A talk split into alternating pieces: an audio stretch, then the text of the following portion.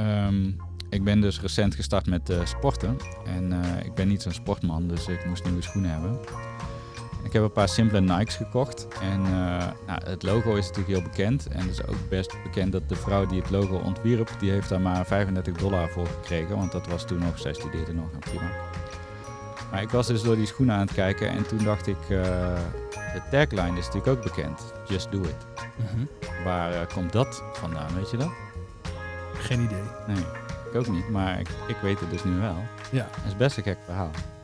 Uh, het waren de laatste woorden van een ter dood veroordeelde crimineel in Portland, Gary Gilmore. En uh, net voordat ze de doodstraf gingen uitvoeren, werd hem gevraagd of hij any final thoughts had. En toen zei hij: Let's do it.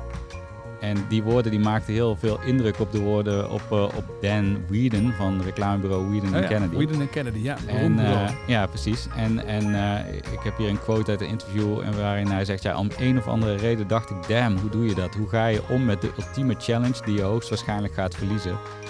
En het enige wat Whedon veranderde was dat Let's Do It maakte die Just Do It van. Maar die, die slogan is dus voor de volle 100% gebaseerd op de laatste woorden van een uh, veroordeelde crimineel. Ja, maar ik ken ook wel heel veel disco liedjes uit de jaren 70 waar ze de hele tijd Let's Do It zingen. Ja, maar dit, dit komt toch van de bedenker okay. uh, zelf. Dus ik, voor okay. de factcheckers, ik zal een linkje van, uh, van de, de bron in de show notes zetten. Ik wist het niet. Ik nee. moet wel een beetje, ik, een beetje, beetje creepy, hè? Een beetje creepy bijs ja, maken zeker, nu. Ja, zeker, precies. Zeker. Ja. Maar wel een goed weetje voor feest en partijen, toch? Nee, hier scoor je mij. Okay, ja, zeker. Oké, okay, we gaan beginnen.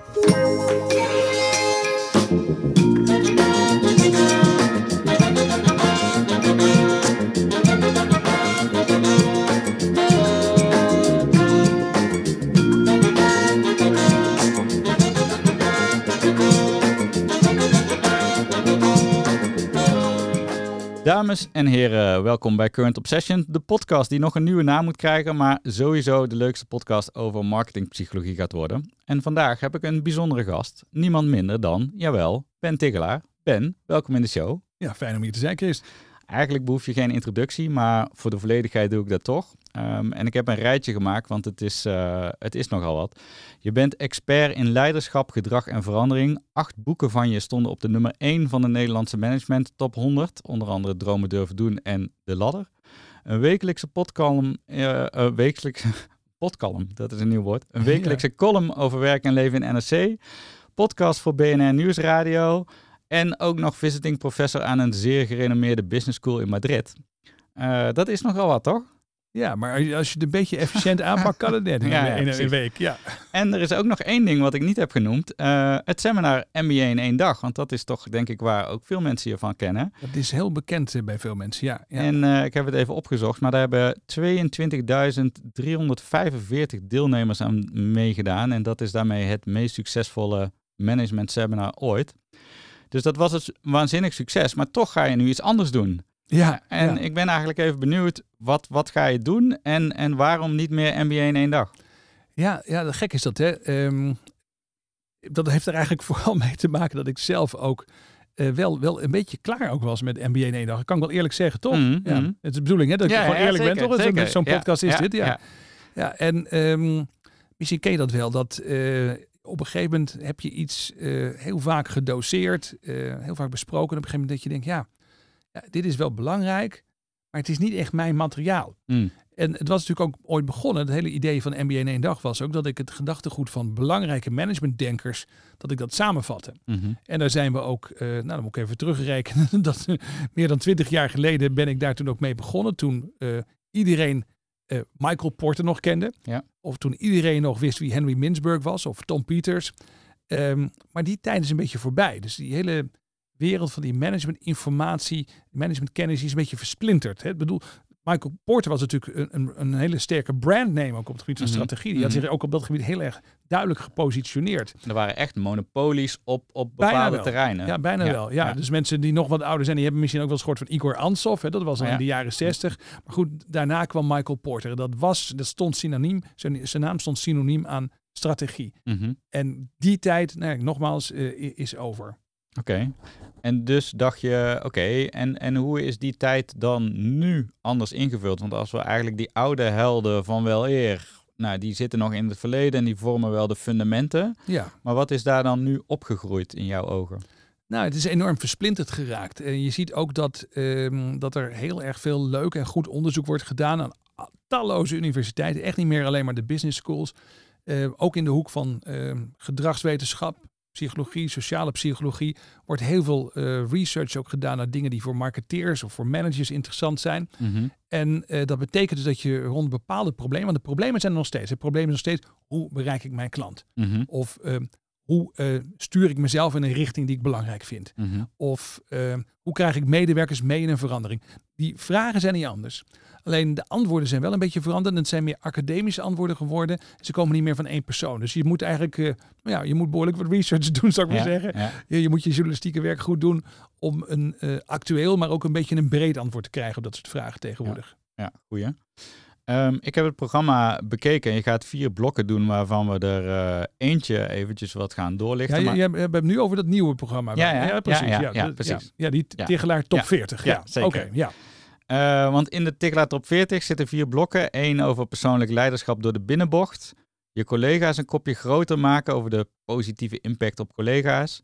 Maar dan, blok drie. Iedereen influencer, iedereen marketeer. Ja. Ehm, Dat heb ik voor me- speciaal voor jou Ja, gedaan. dat is lekker. En het vierde blok moeten we ook zeker even benoemen, want dat is jouw eh, favoriete terrein. Veranderen hoe dan? Ja. Ehm, vandaag gaan we het echt even in deze podcast hebben over iedereen influencer, iedereen marketeer, want dit is een podcast over marketing. Ehm, en ik was heel blij dat je dit blok hebt geselecteerd, want eh, ik zei vroeger altijd al gekscherend, maar met serieuze ondertoon, eh, alles is marketing. En eh, ik had het gevoel dat ik daar altijd een beetje alleen in stond. Want eh, iedereen moest er dan altijd een beetje om lachen. Maar ik heb hier toch een onverwachte medestander eh, gevonden. Ja, ja. En, en kun jij eens uitleggen waarom ben je tot dit blok gekomen met deze pakkende titel ook? Nou, kijk, misschien wel goed voor, voor mensen om te weten. ehm, ik schrijf natuurlijk tegenwoordig niet meer zo heel veel over marketing. Maar ooit was dat wel mijn vak. Ja. Ehm, nou ja, dan moet ik het wel een beetje preciseren. Eh, mijn allereerste echte baan in loondienst. Ik heb heel veel klusjes gedaan in mijn studietijd. Maar mijn eerste echte baan in loondienst was eigenlijk direct aansluitend op mijn studie. Ben ik in, eigenlijk in mijn stage blijven hangen. Was bij het eh, marketing- en reclamevakblad Adformatie. En dat was de tijd dat Adformatie nog iedere week uitkwam. En dat mensen ongeveer bij de brievenbus Ja, zaten. Zo de- van om te de kijken. gele Precies, eh, ja. dingen, ja. ja, leuk. En mijn portefeuille daar was direct marketing.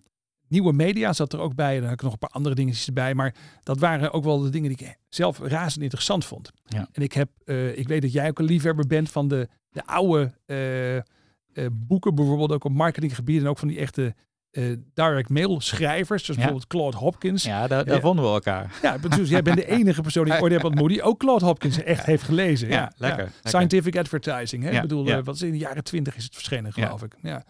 Ja, in de jaren twintig van de vorige eeuw. Hè? Ja, ja, ja, ja, ja, 100 jaar ja, oud. ja. ja, en, en dat, vond ik, dat vond ik fascinerend. En op de middelbare school vond ik dat al leuk. En toen ik in militaire dienst zat, dus voor ik ging studeren was dat, eh, heb ik ook een cursus copywriting gedaan. Dus ik heb de vingers blauw geschreven. Iedere week moest je dan stukken schrijven. En ik vond vooral die, die direct mail kant vond ik vreselijk interessant. Want Mhm. hoe kan je nou zo schrijven dat een idee of een product of een dienst, dat mensen daar echt... eh, ja, echt in geïnteresseerd in raken. Ja. Het, we dachten nog wel een beetje, ik moet wel eerlijk zeggen, ik dacht nog wel dat eh, mechanistischer. Dus van dat je denkt, nou, als je maar de juiste woorden kiest, kun je mensen alles laten doen. Nou, dat is niet zo. Mm. Maar eh, dat is natuurlijk wel, als je jong bent, hè, je bent dan 18, 19 jaar, en je begint aan dat vak, is het wel heel erg tof om, om gewoon met dat vertrouwen erin te gaan. Goed, je vraag was ook alweer, oh ja, waarom? Ja, wa- waarom, waarom eh, dus iedereen influencer, iedereen marketeer, zeg maar. Dus Ja. dat gaat over, nou, je hebt een interesse in marketing, heb je eh, eh, logisch vanuit je achtergrond. Maar je vindt het dus ook zo belangrijk dat je dit naar mensen toe wil brengen die niet per se marketeer zijn, maar van, waarvan je wel denkt, ja. Ja. maar je zit in een organisatie en marketing is wel degelijk belangrijk. Ja, nou ja, je hebt gewoon een goed idee en dat wil je graag aan mensen kwijt. En dan, Mhm. dan zie ik dus heel erg veel mensen die wel fantastische ideeën hebben en geen idee hebben hoe je dat vervolgens over de bühne brengt. Hoe je, hoe je dat hoe over, sorry, op de bühne over het voetlicht brengt. Hoe je, Mhm. hoe je zorgt dat het ook resoneert bij mensen. En ja, marketing en, en ook de advertisingwereld, ja, daar wordt natuurlijk, dat, is- dat, is, dat is de omgeving puur zang waar die kennis ontwikkeld wordt en ook voortdurend getest. En ik vind dat razend interessant. Ja, en, en ook belangrijk dus voor mensen, dat, dat is ook een beetje mijn eigen stelling van alles is marketing. Van, eh, bij marketing denken mensen meteen aan, eh, oh, we, we gaan producten verkopen. Maar marketing dus ook je eigen brand als werknemer. Waar ben je goed in? Waar kunnen Ja. mensen naartoe? Hoe breng je die ideeën naar boven en dat soort dingen? Maar goed, jij hebt kinderen, toch? Ja, Chris? zeker, ja, ja. hoeveel? Twee. Twee, ja. Twee Ik- stuks. we hebben vier, vier dochters thuis. Ik bedoel, opvoeden is toch ook marketing? Eh, in a way wel, ja. Ja. Ja, zeker. zeker. Eh, Des, in ieder geval, des te ouder ze worden, des te Ja. minder kun je zeggen, van, nou, ja, dit is hoe je het moet doen. En dan moet je je ideeën marketen als ouder. je moet het verkopen. Ja, Ja, je moet het echt verkopen. Ja. Ja. Ehm, en, en zie je, zijn er ook dingen die je mis ziet gaan als mensen hun ideeën over de bühne wil brengen? Of als je met mensen praat? Ja, heel veel. Ehm, kijk, ehm, misschien wel een van de belangrijkste eh, misvattingen. Eh, en dat zijn ook al dingen die al heel vroeg werden gecon- ge- eh, geconstateerd. Hè. De- Mhm. David Ogilvy heeft ooit gezegd: The average consumer is not a moron, It's your wife. it's your wife. ja, Ja, precies. ja. Met respect. Hè? Ja. Met respect kijken naar die andere. En die andere ook als vertrekpunt nemen voor het verhaal dat je wilt vertellen. Of voor misschien zelfs wel voor het product dat je wilt ontwikkelen. Dus, ehm, en dat, dat is voor mij ook een hele, ja, ik vind dat een ontzettend belangrijke les. En dat is een fout die nog steeds heel veel wordt gemaakt. Dus eh, sommige mensen die zien, eh, eh, chargeer maar even, maar die zien consumenten vooral als een soort wandelende portemonnees. Mhm, Die denken, nou, die hebben euro's en die wil ik. en dan Mhm. ben ik bereid mhm. veel voor te doen. Hè. Net niet illegaal, maar Ja. toch, daar gaat het mij uiteindelijk alleen maar om. Of dat je denkt, nou, ik heb een product en het maakt me geen bal uit wie het koopt.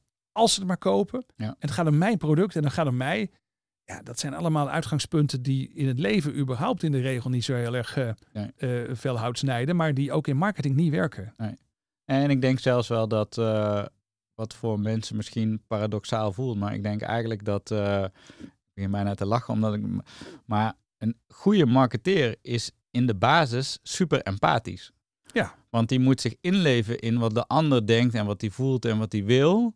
En daar moet hij zijn boodschap op afstemmen. Want op het moment dat je, en of je nou producten verkoopt of in een organisatie zit, je eigenlijk alleen maar je eigen belangen, je eigen drijfveer als uitgangspunt neemt, dan sluit de ander meteen af. Dus je, Ja. moet, het, je moet je verplaatsen in de ander. Dus Ja, daarom is het ook zo ontzettend belangrijk dat je, als je ondernemer bent, dat je niet denkt dat je je eigen marketing helemaal zelf op eigen houtje alleen maar kunt doen. Je Mhm. hebt vaak iemand nodig die je helpt om dat perspectief van die ander ook te zien. Ehm, nou ja, jij doet het, ik doe het. In, Mhm. in ons werk verkopen Mhm. we ook deels onszelf. Mhm. Ehm, als je dus jezelf verkoopt.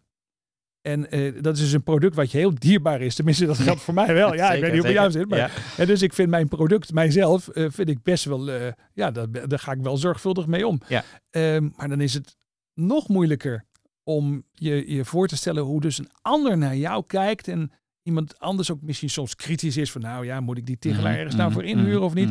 Dus een, een outside view, een goede adviseur of iemand die meekijkt, of een goede sparringpartner op dit gebied, is essentieel Ja. om los te komen van je eigen product, of in dit Ja. geval dus zelfs van jezelf. Ja, dat is Even nog moeilijker. Dat is nog moeilijker. En, eh, en, en inderdaad dat andere vertrekpunten nemen. Ja, en volgens mij staat of valt het daarmee. Dus misschien een van de meest, meest basale dingen, maar wel ook meteen heel belangrijk. Ja. Ehm, dit gaat eigenlijk hè, over waar we het nu over hebben, over het belang van marketing. Ehm, op het moment dat het woord marketing valt, daar hebben mensen allerlei associaties bij, Ja. commercieel en dat soort dingen. Wat, wat zou je tegen mensen zeggen die zeggen eigenlijk, ja luister, ik, ik ben geen marketeer. Ik, sterker nog, ik heb eigenlijk een hekel aan marketing. Ja, eh, dat, dan, is het, dan is het eerst wel even goed om dan te vragen aan mensen, maar, maar wat versta je dan onder marketing? Mhm. Wat versta je er dan onder? En dan eh, eh, gaat het toch vaak om dingen als misleiden of trucjes of Mhm. mensen dingen laten doen die ze eigenlijk niet willen en gaan ze Mhm. maar door. Mhm. En laten we eerlijk zeggen, eh, eh, zijn dat beeld hebben natuurlijk marketeers ook wel een beetje aan zichzelf te danken. Zeker, zeker. Ehm, en, en ook heel eerlijk, ik vind trucjes ook best wel heel leuk soms Mhm, om, mhm. om, om me in te verdiepen. Maar ehm, dan moet ik mezelf iedere keer weer even tot de orde roepen. Want uiteindelijk, eh, even weer een stapje terug, het gaat uiteindelijk om wat mensen ook echt nodig hebben. Een echt probleem wat je ook echt oplost, bijvoorbeeld Ja. met jouw product of dienst. Maar dan vervolgens moet je dat dus wel duidelijk maken. En op het moment dat je die kennis dan niet gebruikt, en dat zegt dan ook wel tegen mensen die bijvoorbeeld zeggen, nou ja, ik heb helemaal niks met marketing of wat dan ook. Zeg maar ja, maar je hebt wel goede ideeën. Mhm. Ja. En je wil wel graag dat mensen daar iets mee gaan doen. Ja, dat klopt. Ja, maar ja, dan kan je dus eh, zeggen van nou, ik wil niet weten hoe dat werkt. Ik, ik, ik gooi het maar gewoon over de schutting en dan moet het maar werken. Zeg maar, ja, dat is eigenlijk niet fair. Dat is Nee. eigenlijk niet eerlijk. Als, als iemand een stoel eh, of een tafel ontwerpt eh, of, of een bestek, of wat, wat, wat ook wordt gedesigned, dan ga je er toch vanuit hoe gaan mensen zitten, hoe gaan mensen Mhm, dat gebruiken. Eh, als jij een computerprogramma ontwikkelt, dan ga je er toch vanuit van wat wil die gebruiker ermee? En, en dan moet je daar toch je software op inrichten. Zeggen mensen, ja, dat is inderdaad waar. Nou, je moet dus ook eh, het proces waar langs jouw idee, jouw dienst, jouw product bij die ander komt, moet je ook designen. En, en in het design moet je uitgaan van die behoeften, die noden en, en, en hoe die ander functioneert. Ja. Anders werkt het niet. Nee. Dus in die zin, ja, kun je ook zeggen marketing. Als je zegt ik hou niet van marketing, kun je ook net zo goed zeggen ik vind dat stoelen niet gedesigned Nee, mogen nee, worden. Het maakt noem maar gewoon een houten bank. Ja. Daar kan je ook op zitten. Ja, Ja, maar dat is niet zo. Hè? Dat vindt eigenlijk niemand. nee. Helder, helder. Ehm, we begonnen dit gesprek net met MBA in één dag, waarin je de, de klassiekers op het gebied van management bestudeerde en die lessen eh daar overdroeg.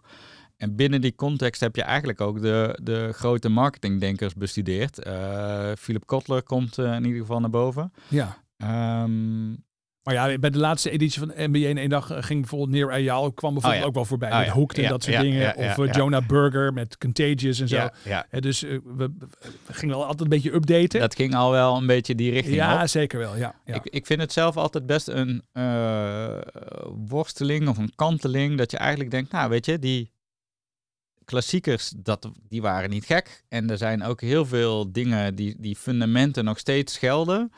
Tegelijkertijd is de wereld ook veranderd. Hoe, hoe zie jij, denk je eigenlijk, nee, de essentie is nog steeds hetzelfde verhaal? Of zie je eigenlijk, nee, wacht even, daar is nou zoveel veranderd. Eh, daar hebben we echt even een andere blik op marketing voor nodig nu. Nou, kijk. ehm, kijk, Philip Kotler is natuurlijk veel meer dan die vier P's alleen. Mhm. En als je alleen de vier P's op een rijtje zet, dan, dan, eh, eh, dan, dan klinkt dat al heel gauw heel mechanistisch. Ik zei dat net ook al, hè? dat is, is een beetje misschien van die tijd. eh, dat ook reclamemakers ook in Nederland dachten van geef mij een, een miljoen, weet je wel. En dan eh zorgen dat iedereen, gaat, Ja, dan, ja. dan komt, alles, dan komt Ja. alles goed. En ehm, Zeggen ze nu nog steeds. Ja, misschien geef, mij, geef hem een miljoen en komt alles goed. Maar dan zetten ze nog een ander verhaal bij. Maar ja, ja. Ja.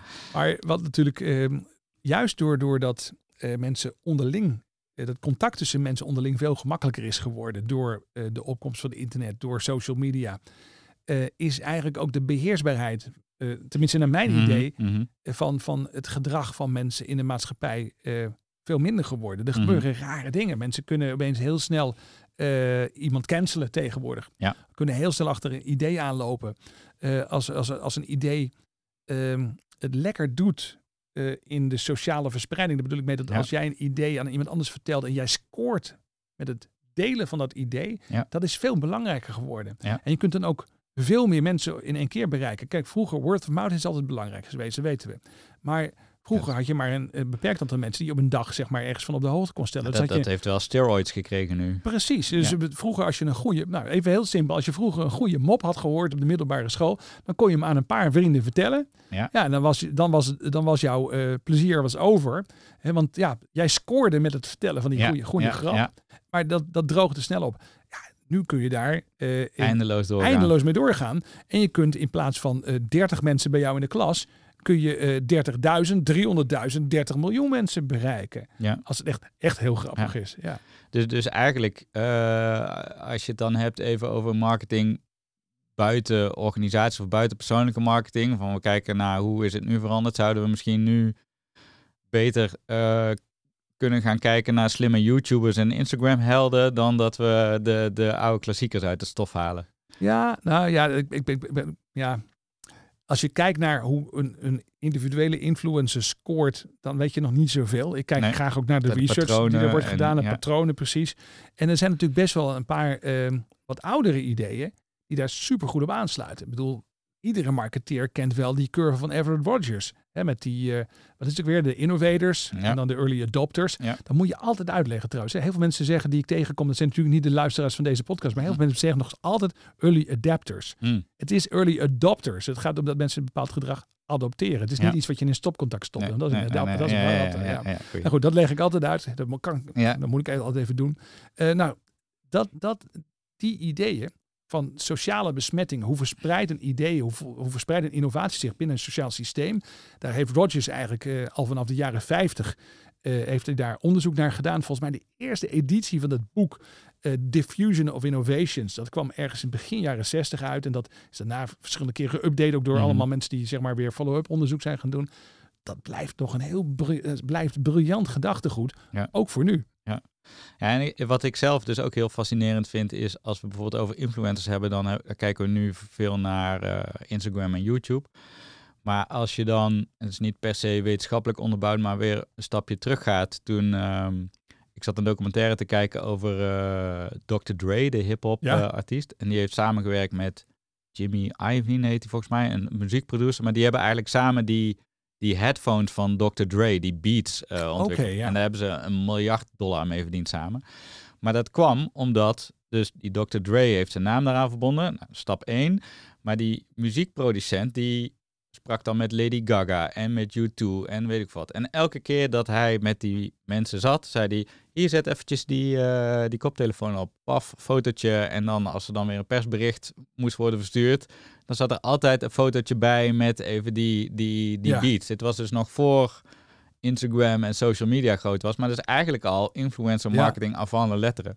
Ja. En, Ja, en nou ja, dat is, eh, eh, Red Bull is groot Ja. geworden door zeg maar DJ's en clubs Ja, ja, ook. die, die blikjes Ja, te geven. ja. Ja. En nog verder terug, ehm, nou weet ik even niet meer hoe dat die kerel heette, maar de Rolex, Ja. die al in die, hoe heet Mount Everest man nou ook weer, Sigmund Hillary? Eh, oh ja, Hillary. Ja, Ja, Sir, Ed- eh, Ed- Sir Edmund Hillary. En, en, En- Sherpa, Sherpa ja, en eh, die- Tenzing. Ja, die gaf dus ook al die Rolexen mee. En ook eh, een, eh, de eerste vrouw die het kanaal overzwom en dat soort dingen. Is ook allemaal eigenlijk al vanuit hetzelfde principe. We hebben personen waar we tegenop kijken, die gebruiken bepaalde producten. En dat krijgt iets viraals of, of mensen willen zich daaraan spiegelen, zeg maar. Ja, ja. Dus, dus die, dat vind ik dus wel grappig. Van de technieken van nu zijn veranderd met de algoritmes en dat soort dingen. Maar de onderliggende menselijke drijfveren, Ja.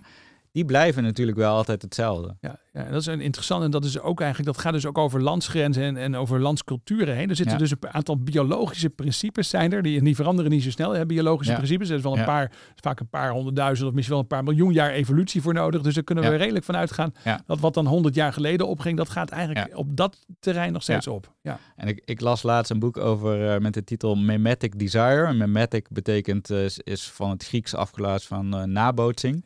Over hoe we gedrag nadoen. En daar zat een anekdote in dat eh, twee kinderen spelen met elkaar en dan eh, met autootjes of weet ik veel wat. En Ja. er zijn eh, twintig autootjes, maar één kind pakt dan het rode autootje. En dan wil dat andere kind wil ook instantly datzelfde rode autootje. En dat Ja. gedrag zie ik nu nog met kinderen om me heen. Maar dat gewoon iets is van iemand selecteert iets en die pakt iets en dan denk je, oh, maar dan wil ik dat ook. Dus Ja. als Kanye West bepaalde schoenen heeft en jij kijkt tegen die cultuur op, dan denk je, oh, weet je, dus dat zijn allemaal mechanismes van Nou, zien dit, en dit gezien au- het autoriteitsprincipe Ja. zit een beetje Ja, in. Hè? Dus zeker. wat, draagt Kanye West Ja, inderdaad misschien. Maar er zit ook natuurlijk van een aspect van onzekerheid in. Dus je hebt twintig autootjes liggen. En op een gegeven moment denk je, ja, welke ga ik kiezen? Welke ga ik kiezen? En dan pakt iemand die rode.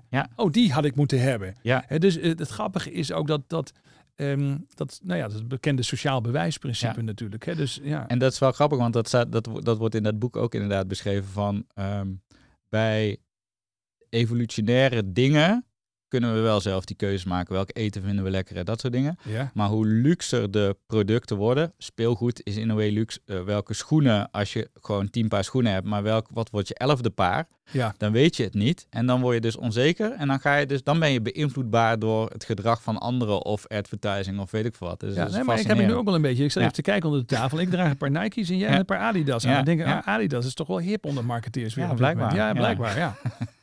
Mooi.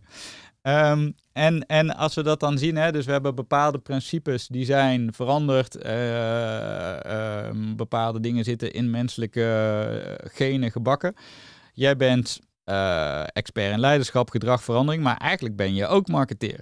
ja. Ehm, Ja. En als je dan kijkt naar hoe, hoe is jouw eigen marketing veranderd of, of je kijk op je eigen marketing. Ja, het grappige is dat bij sommige dingen ben ik echt weer teruggekeerd in de afgelopen maanden zelfs naar eh, dingen die ik deed toen ik 20 was. Mhm. Ik ben Zoals? nu 53. Nou, eh, met heel veel lol mijn eigen kopie weer schrijven. Oh ja. Ja. Heb ik heel veel, eh, eh, wat, ik, wat ik heel erg, eh, ik heb heel erg zitten experimenteren de laatste tijd op LinkedIn. LinkedIn is een heel interessant platform voor mij geworden, omdat ook steeds meer een echt publicatieplatform. Vroeger dan, eh, vroeger, vroeger, Mhm, mhm. een paar jaar geleden, tot, misschien tot een paar maanden geleden nog. Als ik dan een nieuwe column had geschreven voor NRC, dan deed ik ook even een post. eh, als ik hem daarna op mijn Ja. eigen site ook had eh, geplaatst, deed ik even een post op LinkedIn van jongens, de column staat weer online. Ja, ja. Nou, Klik hier. vindt- Ja. Klik hier. Dat vindt niemand op LinkedIn interessant. Nee. Dus op een gegeven moment ga je eens experimenteren. Dan denk je, nou, ik ga eens een, een soort samenvattingje van, van die column gewoon rechtstreeks op LinkedIn zetten met een leuk plaatje. Ja. Dus dan ga je hem nog een beetje herbewerken dat hij daar beter past in die omgeving. Ja. Nou, dat ging al wat beter. En eh, de laatste tijd eh, ben ik ook bezig. Dat is wel grappig. Ik doe een werktip van de week voor BNR. Iedere maandagochtend. Die werktip van de week. Daar heb ik, eh, heb ik even van jou afgekeken, Christ. ja, heb ik nu zo'n zo'n mooie slide. Dat mensen er door kunnen Ja, klikken. Dus dan ik. vrijdag eh, bel ik met de redactie van de, de, de ochtendspits van, van BNR. Dan hebben we het erover, nou, welke werktip gaan we maandag doen? Dan lopen we het eventjes door. En als ik dat dan weet, dan eh, maak ik eh, gewoon heel ouderwets gaan lekker zitten en denken, hoe schrijf ik hem zo lekker mogelijk Ja, op? ja. Echt met cliffhangertjes. Ja. Dat je zegt van, Dat is er lekker, hè? ja, er zijn, zijn drie manieren waarop je hier naar kunt kijken. Ja. Dit is nummer één Ja. van, van drie. Dit is nummer twee Ja. van drie. Ja. Dus alle oude copywriting trucs die ik vroeger ooit heb geleerd, die trek ik uit de kast. En het bizarre is, ehm, dan, daarna stuur ik hem naar mijn marketingassistenten. Die maakt er een mooie slide van, een beetje ja. opmaakt erin. Het is ongelooflijk hoeveel mensen dat leuk vinden om te kijken Ja. en even door te klikken. In verhouding tot zeg maar die, ja, toch een beetje die eh luie posts die ik Ja. hiervoor maakte. Ja. Ja, ja dat, dat is dus ook heel grappig, hè? want dat is ook, ook weer binnen de context, iedereen marketeer, iedereen influencer, is dus ook, oké, die boodschap is er, die zit in een column, die werkt prima in een krant. Ja. Maar eigenlijk, hoe maak je, is ook empathisch, mensen zitten op LinkedIn, die scrollen daar doorheen, hoe maak ik het daar eigenlijk zo lekker, dat het dan gewoon, zeg maar, naar binnen glijdt. En dan, Wat, wat willen mensen Ja. daar? Wat willen mensen? En willen, mensen willen bijvoorbeeld klikken. Ja. Die willen zelf Ja. de, de baas zijn over, over, precies, de baas zijn over die boodschap en hoe die tot ze komt. En ik vind dat heel interessant. En ik moet dus zeggen dat ehm, een van de grote veranderingen, denk ik wel, in mijn werk is geweest, dat het contact met klanten steeds rechtstreekser is geworden. Mhm. Dus ehm, je kunt rechtstreeks op LinkedIn met heel veel mensen tegelijkertijd communiceren. Ze zeggen dingen terug, daar reageer ik dan ook weer. ja, Dus zo ja. goed als kwaad als het gaat, eh, reageer erop. Als je, als je 200 reacties zegt, krijg, dan gaat het niet meer. Laat, laat je het gaan. Ja, Ja, maar het is superleuk om eh,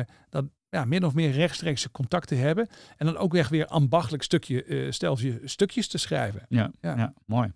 Ja, ik, eh, ik herken dat wel. En eh, ook wel, ik denk ook dat het voor veel bedrijven of mensen in bedrijven ook wel interessant is om dat rechtstreeks ook op te gaan zoeken. Hè? Want het, het zijn heel de tijd signalen die je ook weer krijgt van Ja. andere mensen. Hè? Van, eh, dan je, als je een column in de NRC zet, ja, dan eh, geen idee hoeveel mensen die lezen of, of dat ze hem uitprinten en doorsturen. Maar op LinkedIn zie je het eigenlijk gewoon gebeuren. Dat je Ja. denkt, oh wacht even, hier heb ik een simpel ideetje. Gaat helemaal sky high. Terwijl als je een hele complexe theorie eigenlijk, dat je, ja, en dan denkt eigenlijk, oh ja, mensen willen eigenlijk iets, iets actionables hebben, Ja. zeg maar. Dat zijn instant feedback. Ja, de grap is, dat daarmee is ook een soort omgekeerde marketing geworden. Want bedoel, eh, daarmee is LinkedIn voor mij ook weer aantrekkelijker geworden. Ja. De grap is trouwens, het is niet helemaal waar dat je niet kunt zien bij eh, NRC Ah, nee? hoe je column het doet. Want eh, iedere columnist heeft toegang tot een soort tool waarmee je dus kunt kijken. In ieder geval hoeveel, hoeveel mensen zitten op de website eh, op dit moment Ah, zelfs ja. live naar mijn Ja, column ja, te ja, kijken. Oh. En op redacties, eh, zowel bij NRC als veel andere grote krantenredacties, hadden ze het probleem van hoe verkopen we internet aan journalisten. Mhm. Want ja, voor een journalist was altijd het papier. Ja, precies papier. En je wilt zien dat jouw stukje op, op de voorpagina staat of op de, de opening is van de economiebijlage. hè, Als je Ja.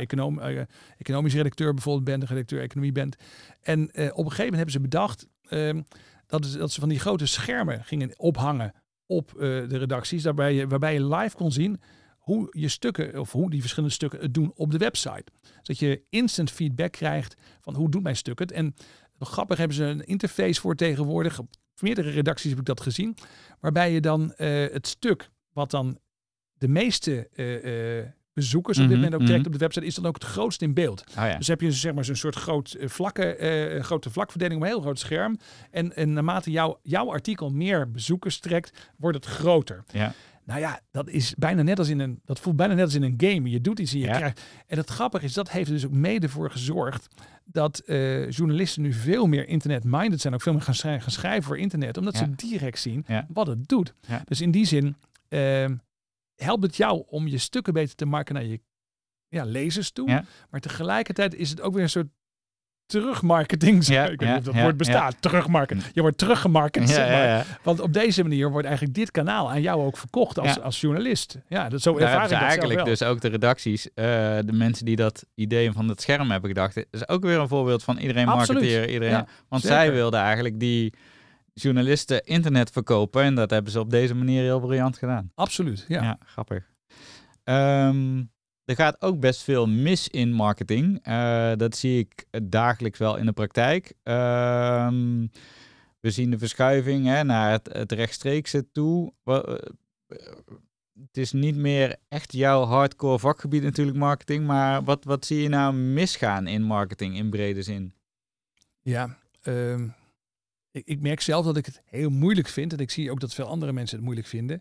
eh, om te kiezen. Hmm. Dus welke ene boodschap wil je bijvoorbeeld in je mail aan iemand kwijt? Welke ene boodschap wil je kwijt in deze advertentie? Eh, wat wil je in deze nieuwsbrief aan mensen vertellen?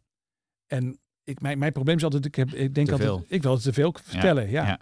En, eh, en kiezen voelt als verliezen natuurlijk. Mhm, hè? Eh, mhm. Loss aversion, hè, dat kennen we allemaal. Eh, je, je, je hebt vijf dingen en dan moet je de vier wegstrepen. En alles wat je wegstreept voelt als verlies. Dat is zo Ja, jammer. Zo ja, jammer. ja. Dus ehm, ik heb trouwens wel grappig in mijn presentaties die ik geef bij bedrijven. Dus lezingen, trainingen, nou, seminars, dat soort dingen. Heb ik voor mezelf wel een trucje. Ehm, ik, iedereen kent het wel, als je een presentatie moet geven, heb je vaak ook veel te veel slides, allemaal dingen die je kwijt wilt. En ik heb tegenwoordig eh, heb ik een eh, afdeling, dat, heet, dat zijn de reserve slides. Dus ik heb altijd al een, slide van Ja, de workline staat. Reserve staat daar. Ja. En dan alle dingen waar ik van ik denk, oh ja, dat is toch te veel, dat is te veel. Dat sleep ik naar, naar achter die reserve. En dan denk ik, Ja. nou, maar misschien heb ik nog wat Ja, tijd. Denk ik. ja, misschien heb ik ja. wel tijd om er iets mee te doen. Die tijd heb je nooit. Nooit. Nee, maar het voelt beter dan om ze echt op, weggooien. ja, dat veel beter dan echt weggooien. Dus misschien is dat iets om eh, ook in mijn marketing meer te gaan doen. Dat je zegt, nou weet je, dat is ook een goed idee. Dan zet ik op de reservelijst. Eh, in plaats van dat ik hem echt Ja. wegmieter. Want kill your darlings blijft gewoon Ja. verschrikkelijk moeilijk. Dat geldt in het schrijven. Maar dat geldt ook in welke producten bied ik aan. Hoeveel producten per jaar kan een mens verdragen van, van, van Tigelaar enzovoort. Ja, en, en misschien niet helemaal de, de juiste metafoor, maar ik weet nog wel dat ik in mijn baan als marketingmanager het ook altijd uitlegde van eh, eh, de boodschap is als het ware een soort spijker. Die moeten wij erin rammen. Dus daarom, daarom twijfelde ik even, omdat dat is niet de meest empathische uitspraak. Nee, maar, je kan wel leg wel een- lekker uit. Leg wel een, lekker een, uit. een ja. spijker, als je een, een spitse, dunne spijker hebt, die gaat wel makkelijker het hout in dan wanneer je een, een soort bamboestok, een breed, veel boodschappen. Dus hoe gerichter je het maakt, hoe makkelijker dat je kan doordringen in iemands brein. Maar ondertussen wil je natuurlijk eigenlijk gewoon veel. Dus, maar, dus dat is een beetje paradoxaal denken. Je bereikt meer als je minder doet. Ja. Minder communiceert. Absoluut, ja. ja. En in, in het schrijven van mijn boeken lukt me dat vrij aardig. Ik Mhm. probeer zeg maar altijd ook eh to the point te zijn in de boeken die ik schrijf. Gewoon één duidelijk onderwerp. Eh, probeer de boeken ook niet te dik te maken en dat soort dingen. Dus dat, daar lukt het wel redelijk. Maar goed, een boek heeft nog altijd wel iets van 120 bladzijden. Dus kun je Ja, heel veel losse ja, ideetjes ja. kwijt. Maar als het dan echt om eh, marketing en sales gaat, dan vind ik dat dus moeilijk. Dat. En ik, ik zie dat, dat heel veel ondernemers daarmee worstelen. Ja, dat is een goede. Ja, dat eh, zie ik in eh, mijn eigen praktijk ook wel. En ik denk dat veel luisteraars dit ook wel zullen herkennen. Ehm, dus eigenlijk, eh, want we hadden het eigenlijk over de, de- wat gaat er mis. Dat betekent eigenlijk mensen willen te veel doen, dus je moet minder doen en, en specifieker maken. Zijn er nou nog andere dingen, of dat dan gaat over marketing intern of marketing in general, waarvan je zou eigenlijk denken, ja, hier kan je nog wel iets mee. Dit is, dit is een praktische tip die ik nog zou willen meegeven. Ja, nou ja, kijk, alles wat je doet draagt natuurlijk ook bij op een gegeven moment aan een soort associatienetwerk wat mensen in hun hoofd opbouwen rondom jou. En eh, het is heel goed om eh, naast vanuit sales, hè, van wat wil ik nu kwijt, wat is nou die ene boodschap die ik kwijt wil, welk product wil ik nu op dit moment bijvoorbeeld graag centraal stellen. Eh, En dat is natuurlijk vaak ook een beetje de korte termijn gedreven. Je denkt, we hebben nu een seminar en dat willen we nu verkopen. Maar tegelijkertijd bouw je ook je merk op. En nadenken over van wat doet dit nou, de manier waarop ik spreek, de, de, de communicatie die ik hier bedrijf, wat doet het met mijn merk? Hoe, uh, hoe percipiëren mensen mij? Welke associaties hangen er rond mijn naam? Mhm. En dat geldt uh, denk ik voor iedere freelancer. Dat geldt voor iedereen die binnen een bedrijf eigenlijk nog wel een beetje graag een loopbaan zou willen, ook op termijn. Dus uh, je hebt een goed idee, je wilt het idee graag uh, naar voren brengen. Maar het is niet alleen maar een idee wat je verkoopt. Tegelijkertijd, als jij een idee aan de man brengt, ook in een organisatie, dan, dan leidt dat tot associaties met jou. Ja. En welke associaties bouw je daarmee op? En ben je dan op een gegeven moment, word je dan een trusted brand in de loop van de tijd? Dat als er weer een idee van jou komt. Mm mensen zeggen, hé, hey, dat was die, eh, Ja. dat was die eh, mevrouw of dat was die meneer die vorige keer ook. Ehm, en dus bouw je een merk op of ben je alleen maar bezig om een idee te pushen? En, en ja, sommige mensen zeggen, nou, het maakt me geen bal uit wat ze van me vinden als ze mijn ideeën maar accepteren. Maar ja, goed, als mensen jou niet leuk vinden, vinden ze je idee waarschijnlijk ook niet leuk. Nee, Dus nee. dat is heel moeilijk voor mensen om uit elkaar te trekken. Ja. Eh, ons brein werkt associatief. Dus de, de vraag is, welke associaties ben je aan het bouwen, ook rond jou als persoon? Ja, en, en ook daarmee dus ook de afweging van ga ik voor de korte termijn en, en duw ik dit idee er doorheen, ook al heeft dat een soort van schade voor, voor wie ik ben als persoon. Of denk ik eigenlijk op de lange termijn en dan ga je eigenlijk meer die merkroute en dan hou je misschien je idee eventjes voor je, wacht je even de timing af en eh, Ja. dat soort dingen. Ja, dat is slim. Ja, dat is een hele goeie. Ehm, Over die twee dingen kunnen Ja. elkaar wel versterken, is Ja. mij opgevallen. Ja, ik heb, eh, eh, ja, ik kan er niet zoveel over vertellen, maar een tijdje geleden eh, heb ik in een soort adviesorgaan meegedraaid.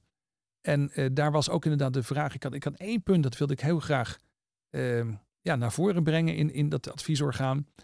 En, ehm, en tegelijkertijd eh, wil je natuurlijk ook dat mensen jou betrouwbaar achten. En ik, ik, ik merkte dat dat wel werkte. mhm. Dus, eh, en dat is ook trouwens wel grappig onderzoek naar minority influence, zoals dan zo mooi heet. Laat dat ook zien dat als je consistent bent, dus een consistent geluid laat horen, dat, is, eh, dat verhoogt je betrouwbaarheid, maar vergroot ook de kans dat mensen eh, uiteindelijk jouw idee dan gaan oppikken. Mm. Dus in die zin kan het mes echt aan twee kanten snijden.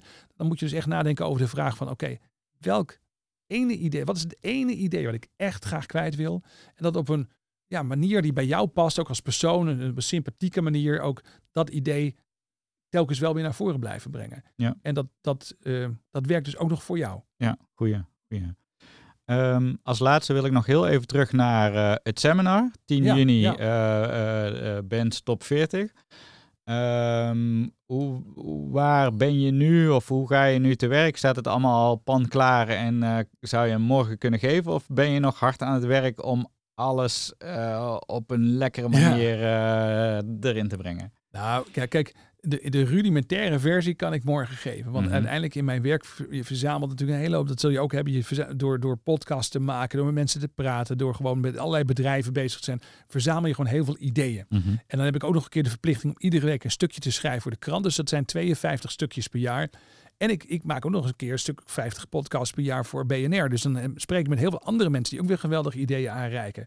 Dus de, aan, aan ideeën geen gebrek, zou ik maar zeggen. Dus zo'n Tichelaar top 40, eh, Die, is, Maken. die, is, die is snel gevuld. dat is redelijk snel gevuld. Sterker nog, het is vooral heel veel schrapwerk. Ja. Maar daarna komt wel de vraag van hoe kan je dat op een leuke manier brengen. En, en dan heb je natuurlijk aan de ene kant, moet je misschien een beetje denken als een marketeer. Ik moet het idee verkopen. Dus daar denk ik ook wel over na van, wat is nou een probleem wat mensen ook echt ervaren. Waar dit idee een goede oplossing voor is. Dus dat is een belangrijke. Maar ik denk natuurlijk ook heel erg vanuit didactiek. Maar Mhm. goed, marketing en didactiek hebben natuurlijk ook wel weer heel erg veel met elkaar te maken. Want eh, hoe breng je een idee over? Hoe zorg je dat iemand iets leert? Ja. Nou ja, goed. Ehm, Schappig, die koppeling had ik eigenlijk nog helemaal nooit zo gelegd. Maar na je het zo zegt, is die eigenlijk heel logisch. Dat Ja, dat, dat, dat heel ja. erg aan elkaar Nou ja, eh, veranderen eh, is leren. Maar veranderen, als je andere mensen wilt meenemen in een verandering, per definitie ben je dus ook weer aan het verkopen. Ja. Dat kan niet anders. Hè? Ja. En Dus een leerproces op gang brengen bij een ander is ook een verkoopproces. En, eh, maar dan kijk ik ook heel erg naar de didactiek, zeg maar, eh, waar het bij ons thuis vaak over gaat. En dat is de didactiek van de basisschool. Mijn eh, vrouw die doseert aan de PABO. Eh, dus die leidt eh, mensen op die eh, ja, voor de klas gaan staan in het basisonderwijs. En het leuke is dat eh, ja, daar worden toch wel echt de nieuwe dingen telkens bedacht. Van hoe krijg je nou een, een idee eh, op een leuke manier overgebracht? Mhm. Eh, hoe zorg je, wat zijn nou leuke werkvormen om mensen eh, kennis bij te brengen? Dus ik, ik ga in de komende weken nog eh, een paar avondjes zitten met haar. En dan gaan we ook echt met z'n tweeën eens even goed kijken. Ja, wat zijn nou verschillende werkvormen om te zorgen dat het echt leuk blijft? Dat je niet alleen maar een soort pratende meneer een podium, op een podium Ja. hebt acht uur lang. Dat Ja. is een beetje saai. Want dat is, dat is volgens mij uiteindelijk ook wat je wil. Dat mensen niet alleen maar eh, nou, een, een leuke dag hebben gehad. Maar dat ze ook echt gewoon het ge- ja, geïnternaliseerd. Of, of in ieder geval dat ze gewoon denken, oké, hier kan ik maandag een stap mee zetten. Ja, nou, ik ben, ik ben eigenlijk wel een beetje een ouderwetse onderwijzer. Ja, Ja. ik ben gewoon een oude schoolmeester. Ja. Ik vind het heel belangrijk dat mensen iets leren. En, en dat heeft niet mee te maken dat ik wil dat mensen doen wat ik wil. Maar het is een beetje het gevoel... eh, nou, ik heb een keer een gesprek gehad met Frits Spits. Dat was hartstikke leuk. En wat we elkaar echt in konden vinden... was het idee dat dan kom je iets tegen en dat vind je super gaaf. En dat kan een mooi eh, eh, stuk muziek zijn... Het kan een geweldig boek zijn wat je hebt gelezen. Bij mijn geval is dat ook vaak een goed idee waar je iets mee kunt als ondernemer of als, als professional of manager. En dat vind je gewoon hartstikke leuk om te delen. Dat, dat gevoel wat jij erbij hebt, van dat je, oh, dit is een goed nummer, dit is een goede plaat. Oh, die film, die moet je... En dat delen met een ander, dat die ander denkt, oh, dat is een goede tip, dankjewel. Ja, ja, Ja, dat is een van de allerleukste dingen die er zijn. ja. En dat doorgeven, eh, ja, dat moet je op een manier doen dat mensen er ook lol in hebben. En ja, als het even kan, dat ze er ook iets mee gaan doen. Super, super. Aangezien dit een podcast is over marketing, geef ik mijn gasten aan het einde altijd 30 seconden de tijd om ongegeneerd reclame te maken. Dus ik wil jou ook even eh, gelegenheid geven om de luisteraar in 30 seconden enthousiast te maken voor de Tigelaar Top 40. 3, 2, 1, go! Nou, ik heb voor NRC, eh, ik denk nu zo ongeveer 500 columns geschreven. Staat telkens vaak één idee echt centraal in. Daarvoor heb ik er bijna 400 geschreven voor intermediair. En eh, dan heb ik ook nog al die mensen die ik bij die podcast eh, voor BNR interview, waar ik ook heel veel van leer. En op een gegeven moment dacht ik, de allergaafste, allerleukste dingen die ik heb geleerd, om daar nou eens een selectie van te maken. Een soort hitparade. Ja, een top 40 dus. Ja, om dat nou te maken en, en dat te delen met andere mensen. Dat moet toch heel gaaf zijn. Ja, en ik vind het natuurlijk superleuk om dat te doen. Dus het is denk ik, hoop ik ook, heel leuk om bij te zijn. Ja, heel mooi. En eh, omdat ik ook marketeer ben voor Denkproducties die het seminar organiseert, ga ik nou nog even zeggen, Disclaimer, belangrijk. Ja, Ga moet ik bij zeggen. ga naar denkproducties.nl voor de kaarten. Twee voor de prijs van één ook nog. Zodat Ja. je ook een collega Dat is wel de nemen. oudste marketingtruc in de wereld, toch? Twee, twee voor de prijs van Dat één. Twee halen, één betalen. Uiteindelijk zijn mensen toch gewoon gespitst op voordeel. Dus wij, wij, wij eh, tappen hiermee in op eh, diepe evolutionaire behoeftes. Dus Ja. dat is gewoon goed. En wat ik er leuk aan vind, ik bedoel, ja, het is ook hartstikke leuk dat eh, twee voor de prijs van één, dat werkt vast heel goed. Maar ik vind het ook heel leuk als mensen dus met een collega komen. Nou, dan hou je er dus echt heel veel meer aan over aan zo'n seminar. En, en eh, nu kan je dat dus voor één kaartje doen. Dus dat is best tof eigenlijk. Nou, zeker. Nou, bedankt voor je tijd. En eh, eh, ik heb er weer veel van geleerd. Vond het een heel leuk gesprek. En voor de luisteraar graag tot de volgende aflevering. Dit was Current Obsessions. Bedankt voor het luisteren.